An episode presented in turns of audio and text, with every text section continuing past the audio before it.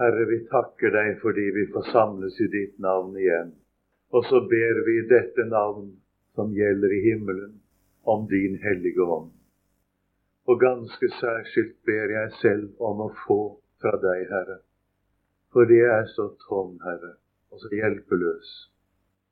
Og så ser du at hvor meget vi enn har fått, og hvor meget vi enn har å takke deg for, Herre, så trenger vi til deg i dag akkurat like meget som noen gang før. Det er du, Herre, som er vår styrke, vår visdom, vår rettferdighet og vår forløsning. Herre, du er alt.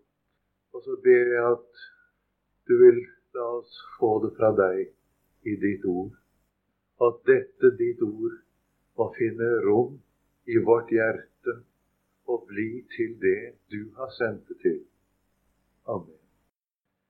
Det Guds ord som vi skal gå ut ifra i dag, står i Johannes evangeliet også, kapittel 8, fra vers 31. Og der er igjen Jesus i sjelesorg. Men i dette tilfellet er det ikke en individuell, men det gjelder kollektiv, dvs. Si en gruppe mennesker. En bestemt slags mennesker som det var ganske mange av vers 31 i Jesu navn.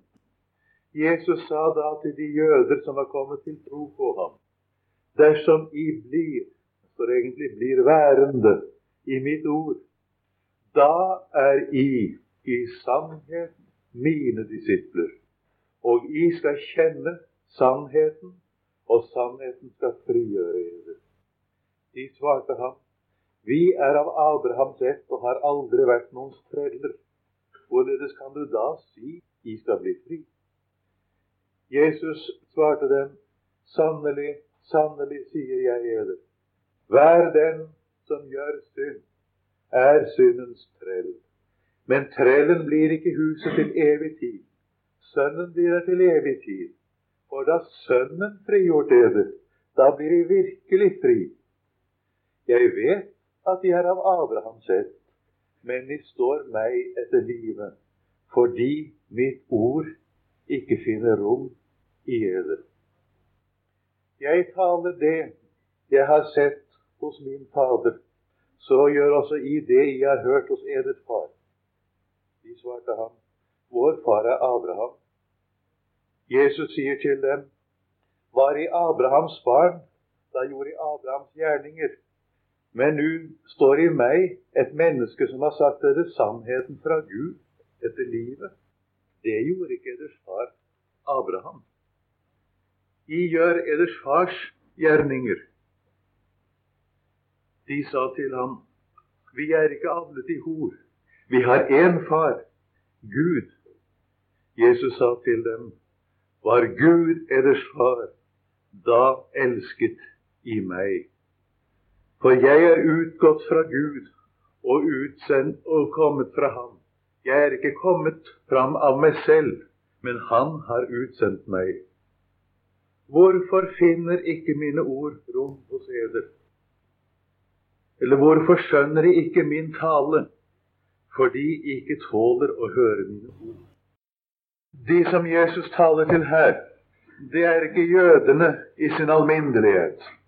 Og du skal legge merke til det er heller ikke fariseerne.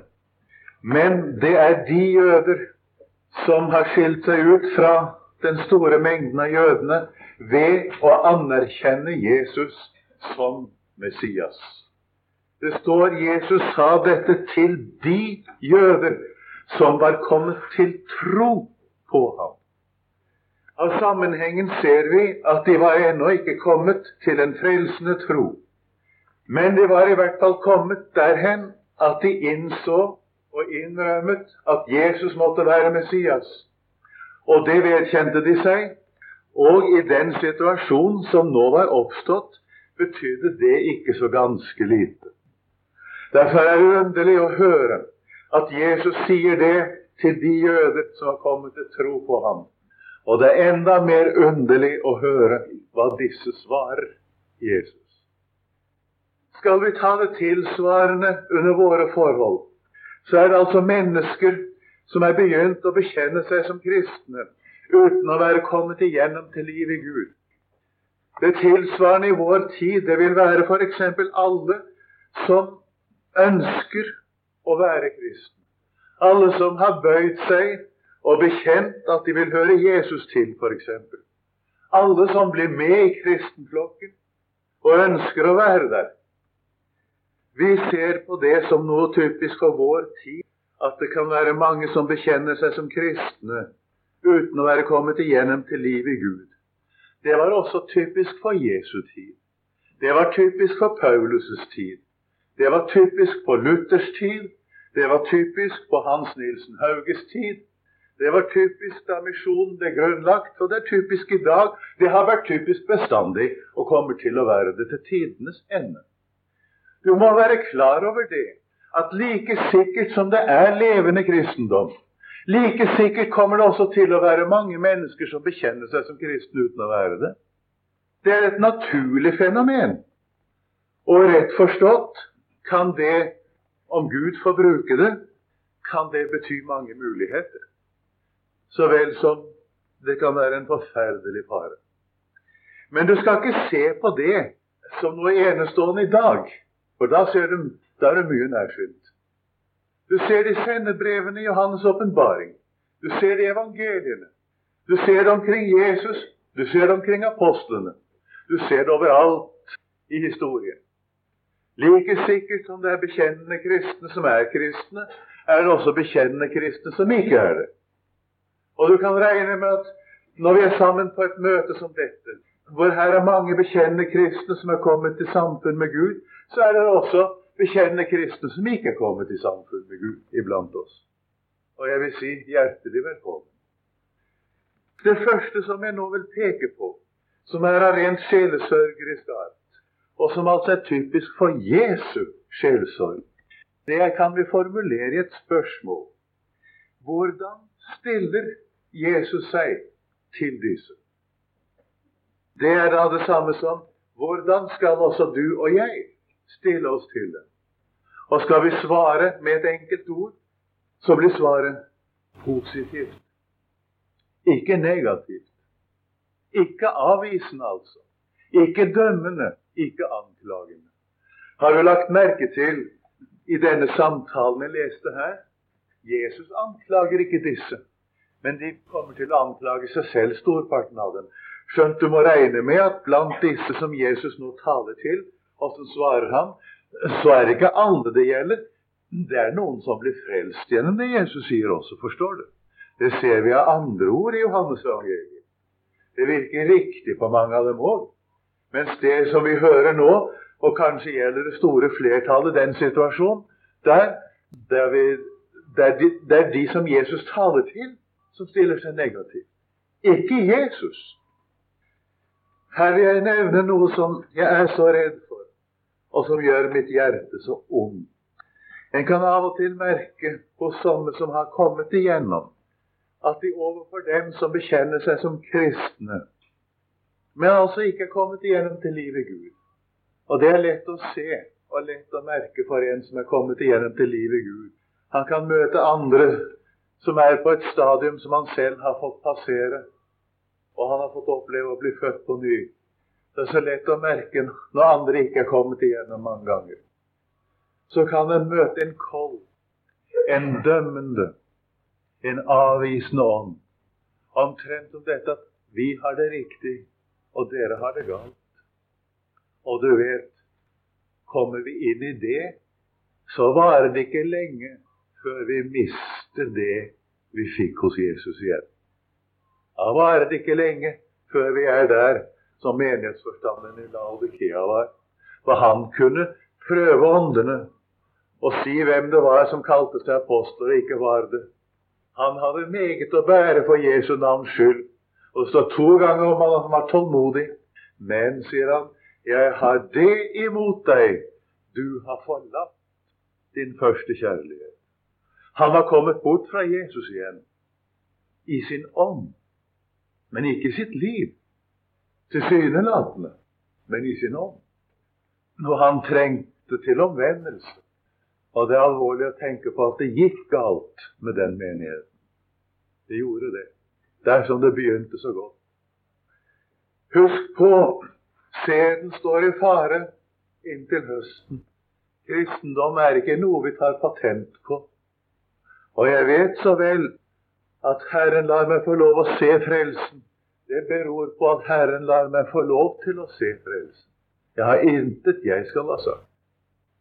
Og når jeg møter mennesker som bekjenner seg som kristne, og ikke er kristne, så har jeg en trang i mitt hjerte til å hjelpe dem. Og jeg skulle ønske at den trangen måtte få være der bestandig. Jeg ønsker å treffe slike mennesker. Ikke fordi jeg ønsker at sånne mennesker skal finnes, men fordi jeg vet at de trenger hjelp.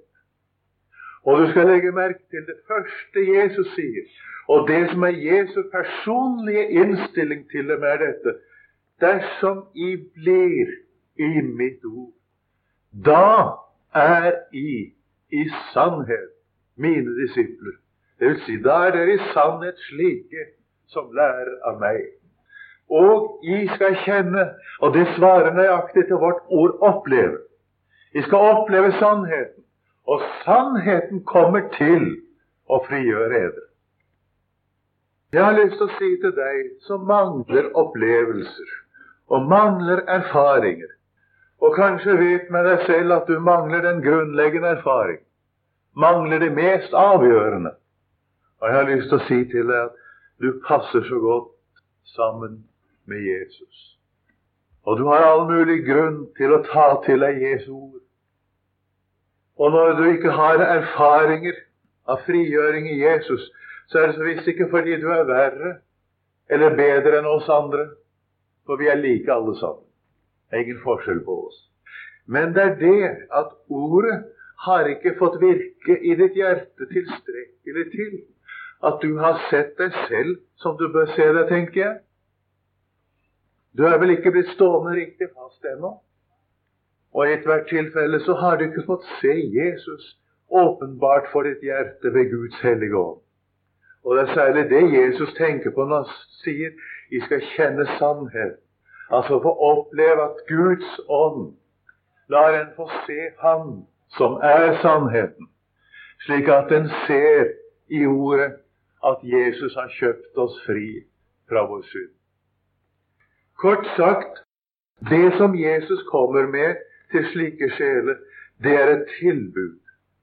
Ikke en anklage, ikke en dom, men et tilbud.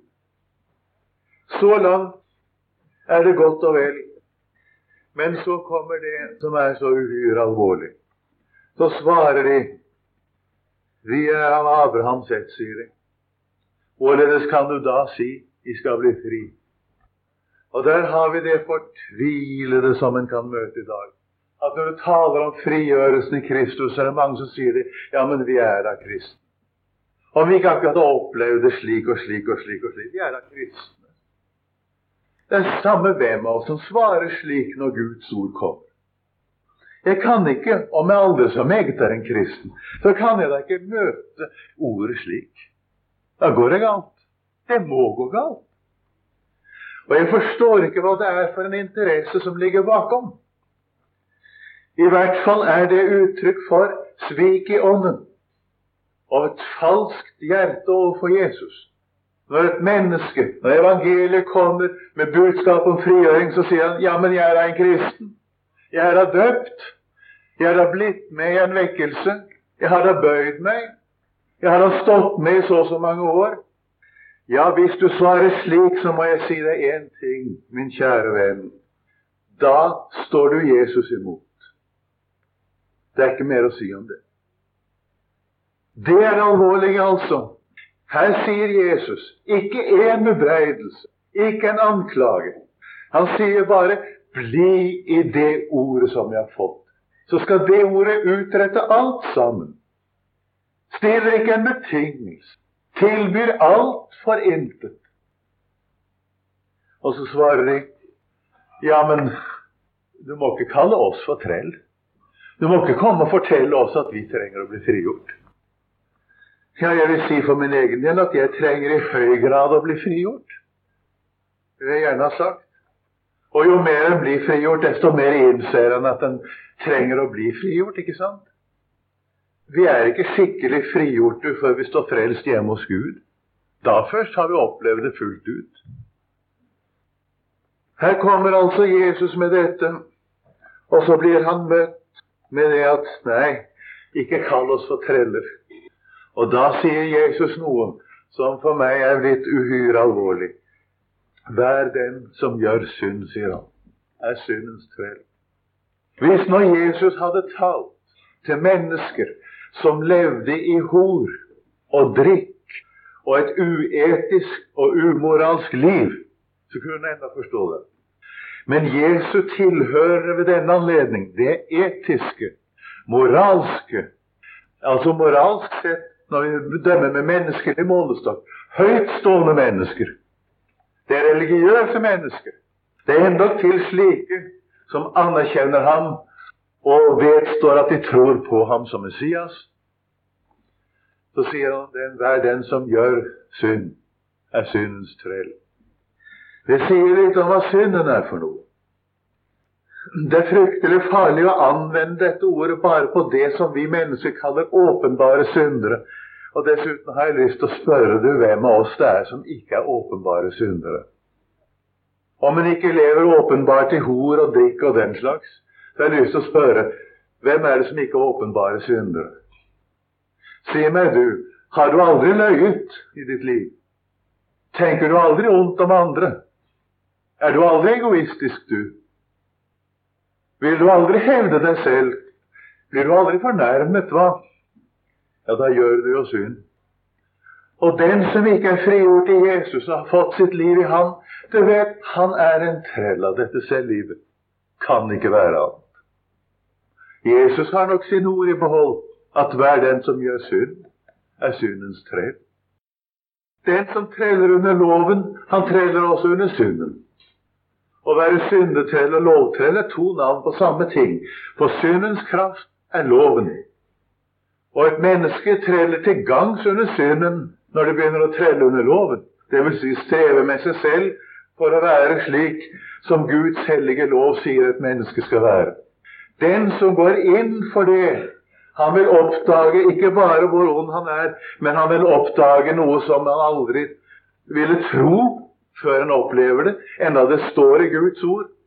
Da vi var i kjødet, står det, virket de syndige lyster, som vaktes ved loven. Ja, det sier Guds ord, det. På en slik måte i våre lemmer at vi var frukt for døden. Det er dette Jesus tenker på og taler med andre ord. Hver den som gjør synd, er syndens trell. Og så sier han, men trellen blir ikke huset til evig tid. Altså med andre ord, her i tiden går trellen sammen med de frie. Du ser av sammenhengen. Trellen blir ikke huset til evig tid.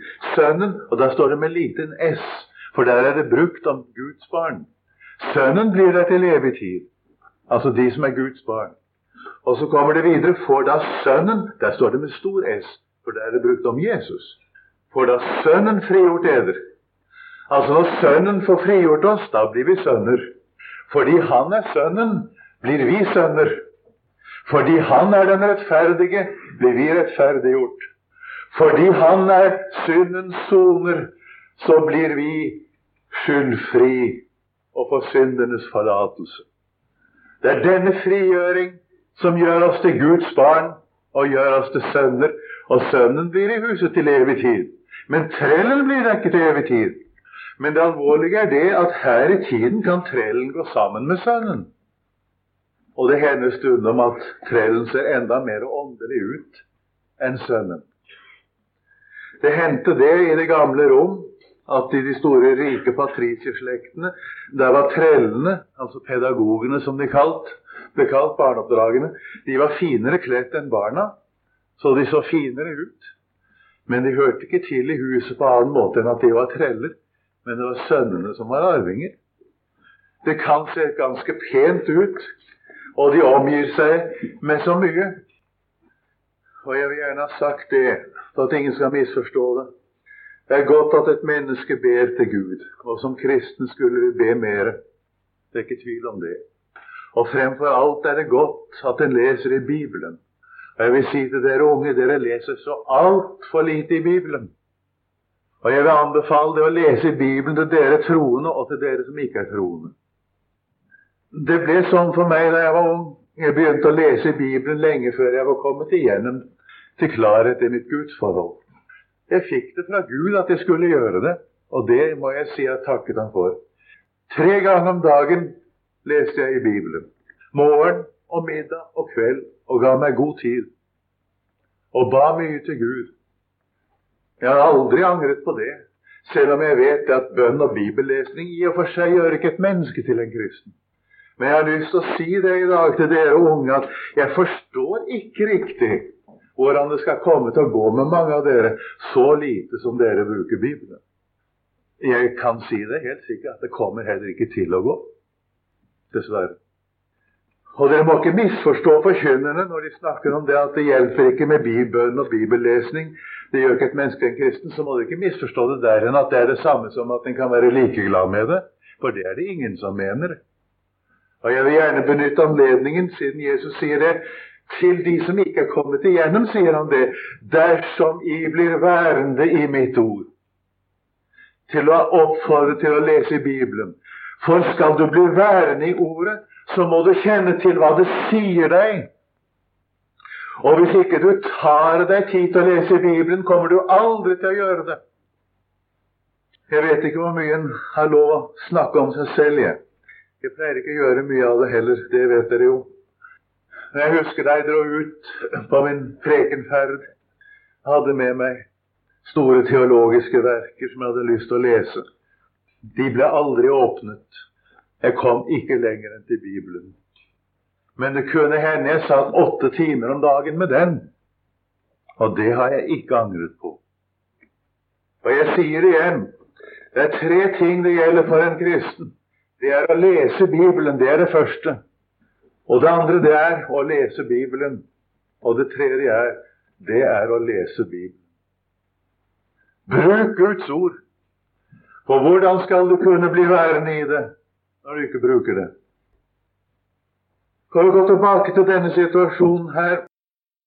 De påberoper seg altså at de er i den situasjonen de ikke trenger å bli fri. De er fri, sier de, for de er Abrahams ett. I våre dager sier ikke Abraham sett, men det sier altså enten vi er døpt, eller vi er bedehusfolk, eller vi er da ikke sant? Vi har syn på legmannsarbeidet, vi. Vi trenger ingen frigjøring. Ja, er det noen som trenger frigjøring, så er det folk som snakker slik. Det kan du stole på. I det hele tatt alle som snakker om hvor fri de er.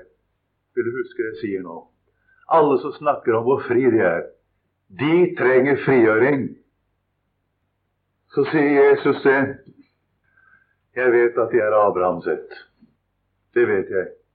Men I står meg etter livet, sier han. Dere vil meg til livs. Og hvorfor? Fordi mitt ord ikke finner rom i eder. Jeg hørte nylig det ble sagt om en mann, dvs. Si han sa det om seg selv. Jeg er ikke noen kristen. Jeg står nøytralt, sa han. Nei. Der hvor Guds ord ikke finner rom i et menneske, der er han Jesus, Jesu motstander. Og hvis det mennesket begynner å bekjenne seg som en kristen, som Guds ord ikke finner rom i, så vil det mennesket Jesus etter livet. Og det viser seg best i det at det vil øve motstand mot alle dem som forkynner Jesus, de kan ikke godt komme Jesus til livs på noen annen måte enn å kritisere dem som forkynner evangeliet. Og du vet at det er en takknemlig oppgave. Hvis noen vil finne feil på meg og kritisere meg, så er det tusenvis av ting de kan snakke om. Det kan jeg ikke legge skjul på. Og jeg har heller ikke gjort noe annet enn å gi meg ut for å være en som trenger Jesus som min frelser. Men vi møter denne motstand. Og hva kommer den av? Fordi Jesu ord ikke finner rom i dem. Eller for å si det på en annen måte fordi de ikke blir værende i det ord de hører. De gjør altså ikke det som Jesus begynner med å si. Dersom vi blir værende i mitt ord, da er I i sannhet mine disipler. Og nå oppstår det en uhyre alvorlig situasjon.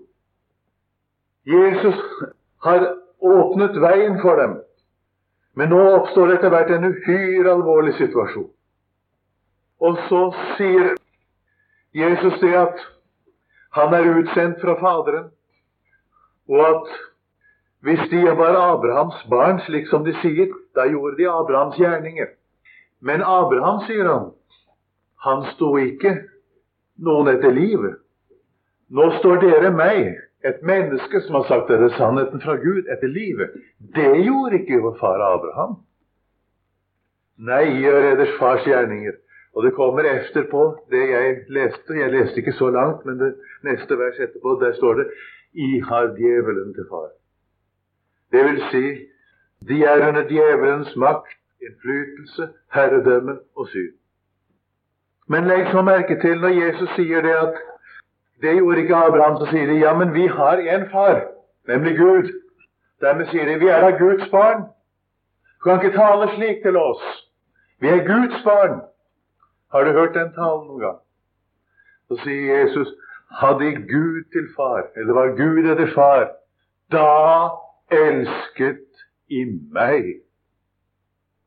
Her kommer Jesus inn på det som vi med et mer moderne uttrykk kan kalle Gud fadertro. Det er nok av det. Man tror på Gud som far. Så har man ordet med om Jesus, naturligvis, for det hører med. Og du kan merke på det at man sier naturligvis skal man tro på Jesus. Selvfølgelig skal vi tro på Jesus. Men jeg må si dere det, og det må dere også huske, at når det kommer selvfølgelig må vi tro på Jesus. Naturligvis må vi tro på Jesus. Da er det enten en som bekjenner seg som kristen uten å være det, som taler, eller så er det en kristen som er fallen i sin ånd. Den som lever i evangeliet, sier ikke 'selvfølgelig må vi tro på Jesus', eller 'naturligvis må vi tro på Jesus', osv. Nei, er det noe i denne verden som ikke er selvfølgelig, og som ikke er naturligvis, så er det dette å tro på Jesus. Det kan jeg ikke ta meg til. Jeg skulle nå snart vite dette her nå. Nå er det mer enn 30 år siden jeg begynte å reise som forkynner. Jeg skulle snart kunne dette her nå. Men jeg forsikrer deg til jeg kan ikke tro av meg selv. Jeg må få det gitt dag for dag og få lov å se Jesus i ordet og troen min den er slik at den er der i og med at jeg ser på Jesus i ordet. Det. er så visst ikke noe naturligvis. Og jeg synes det er så mistenkelig.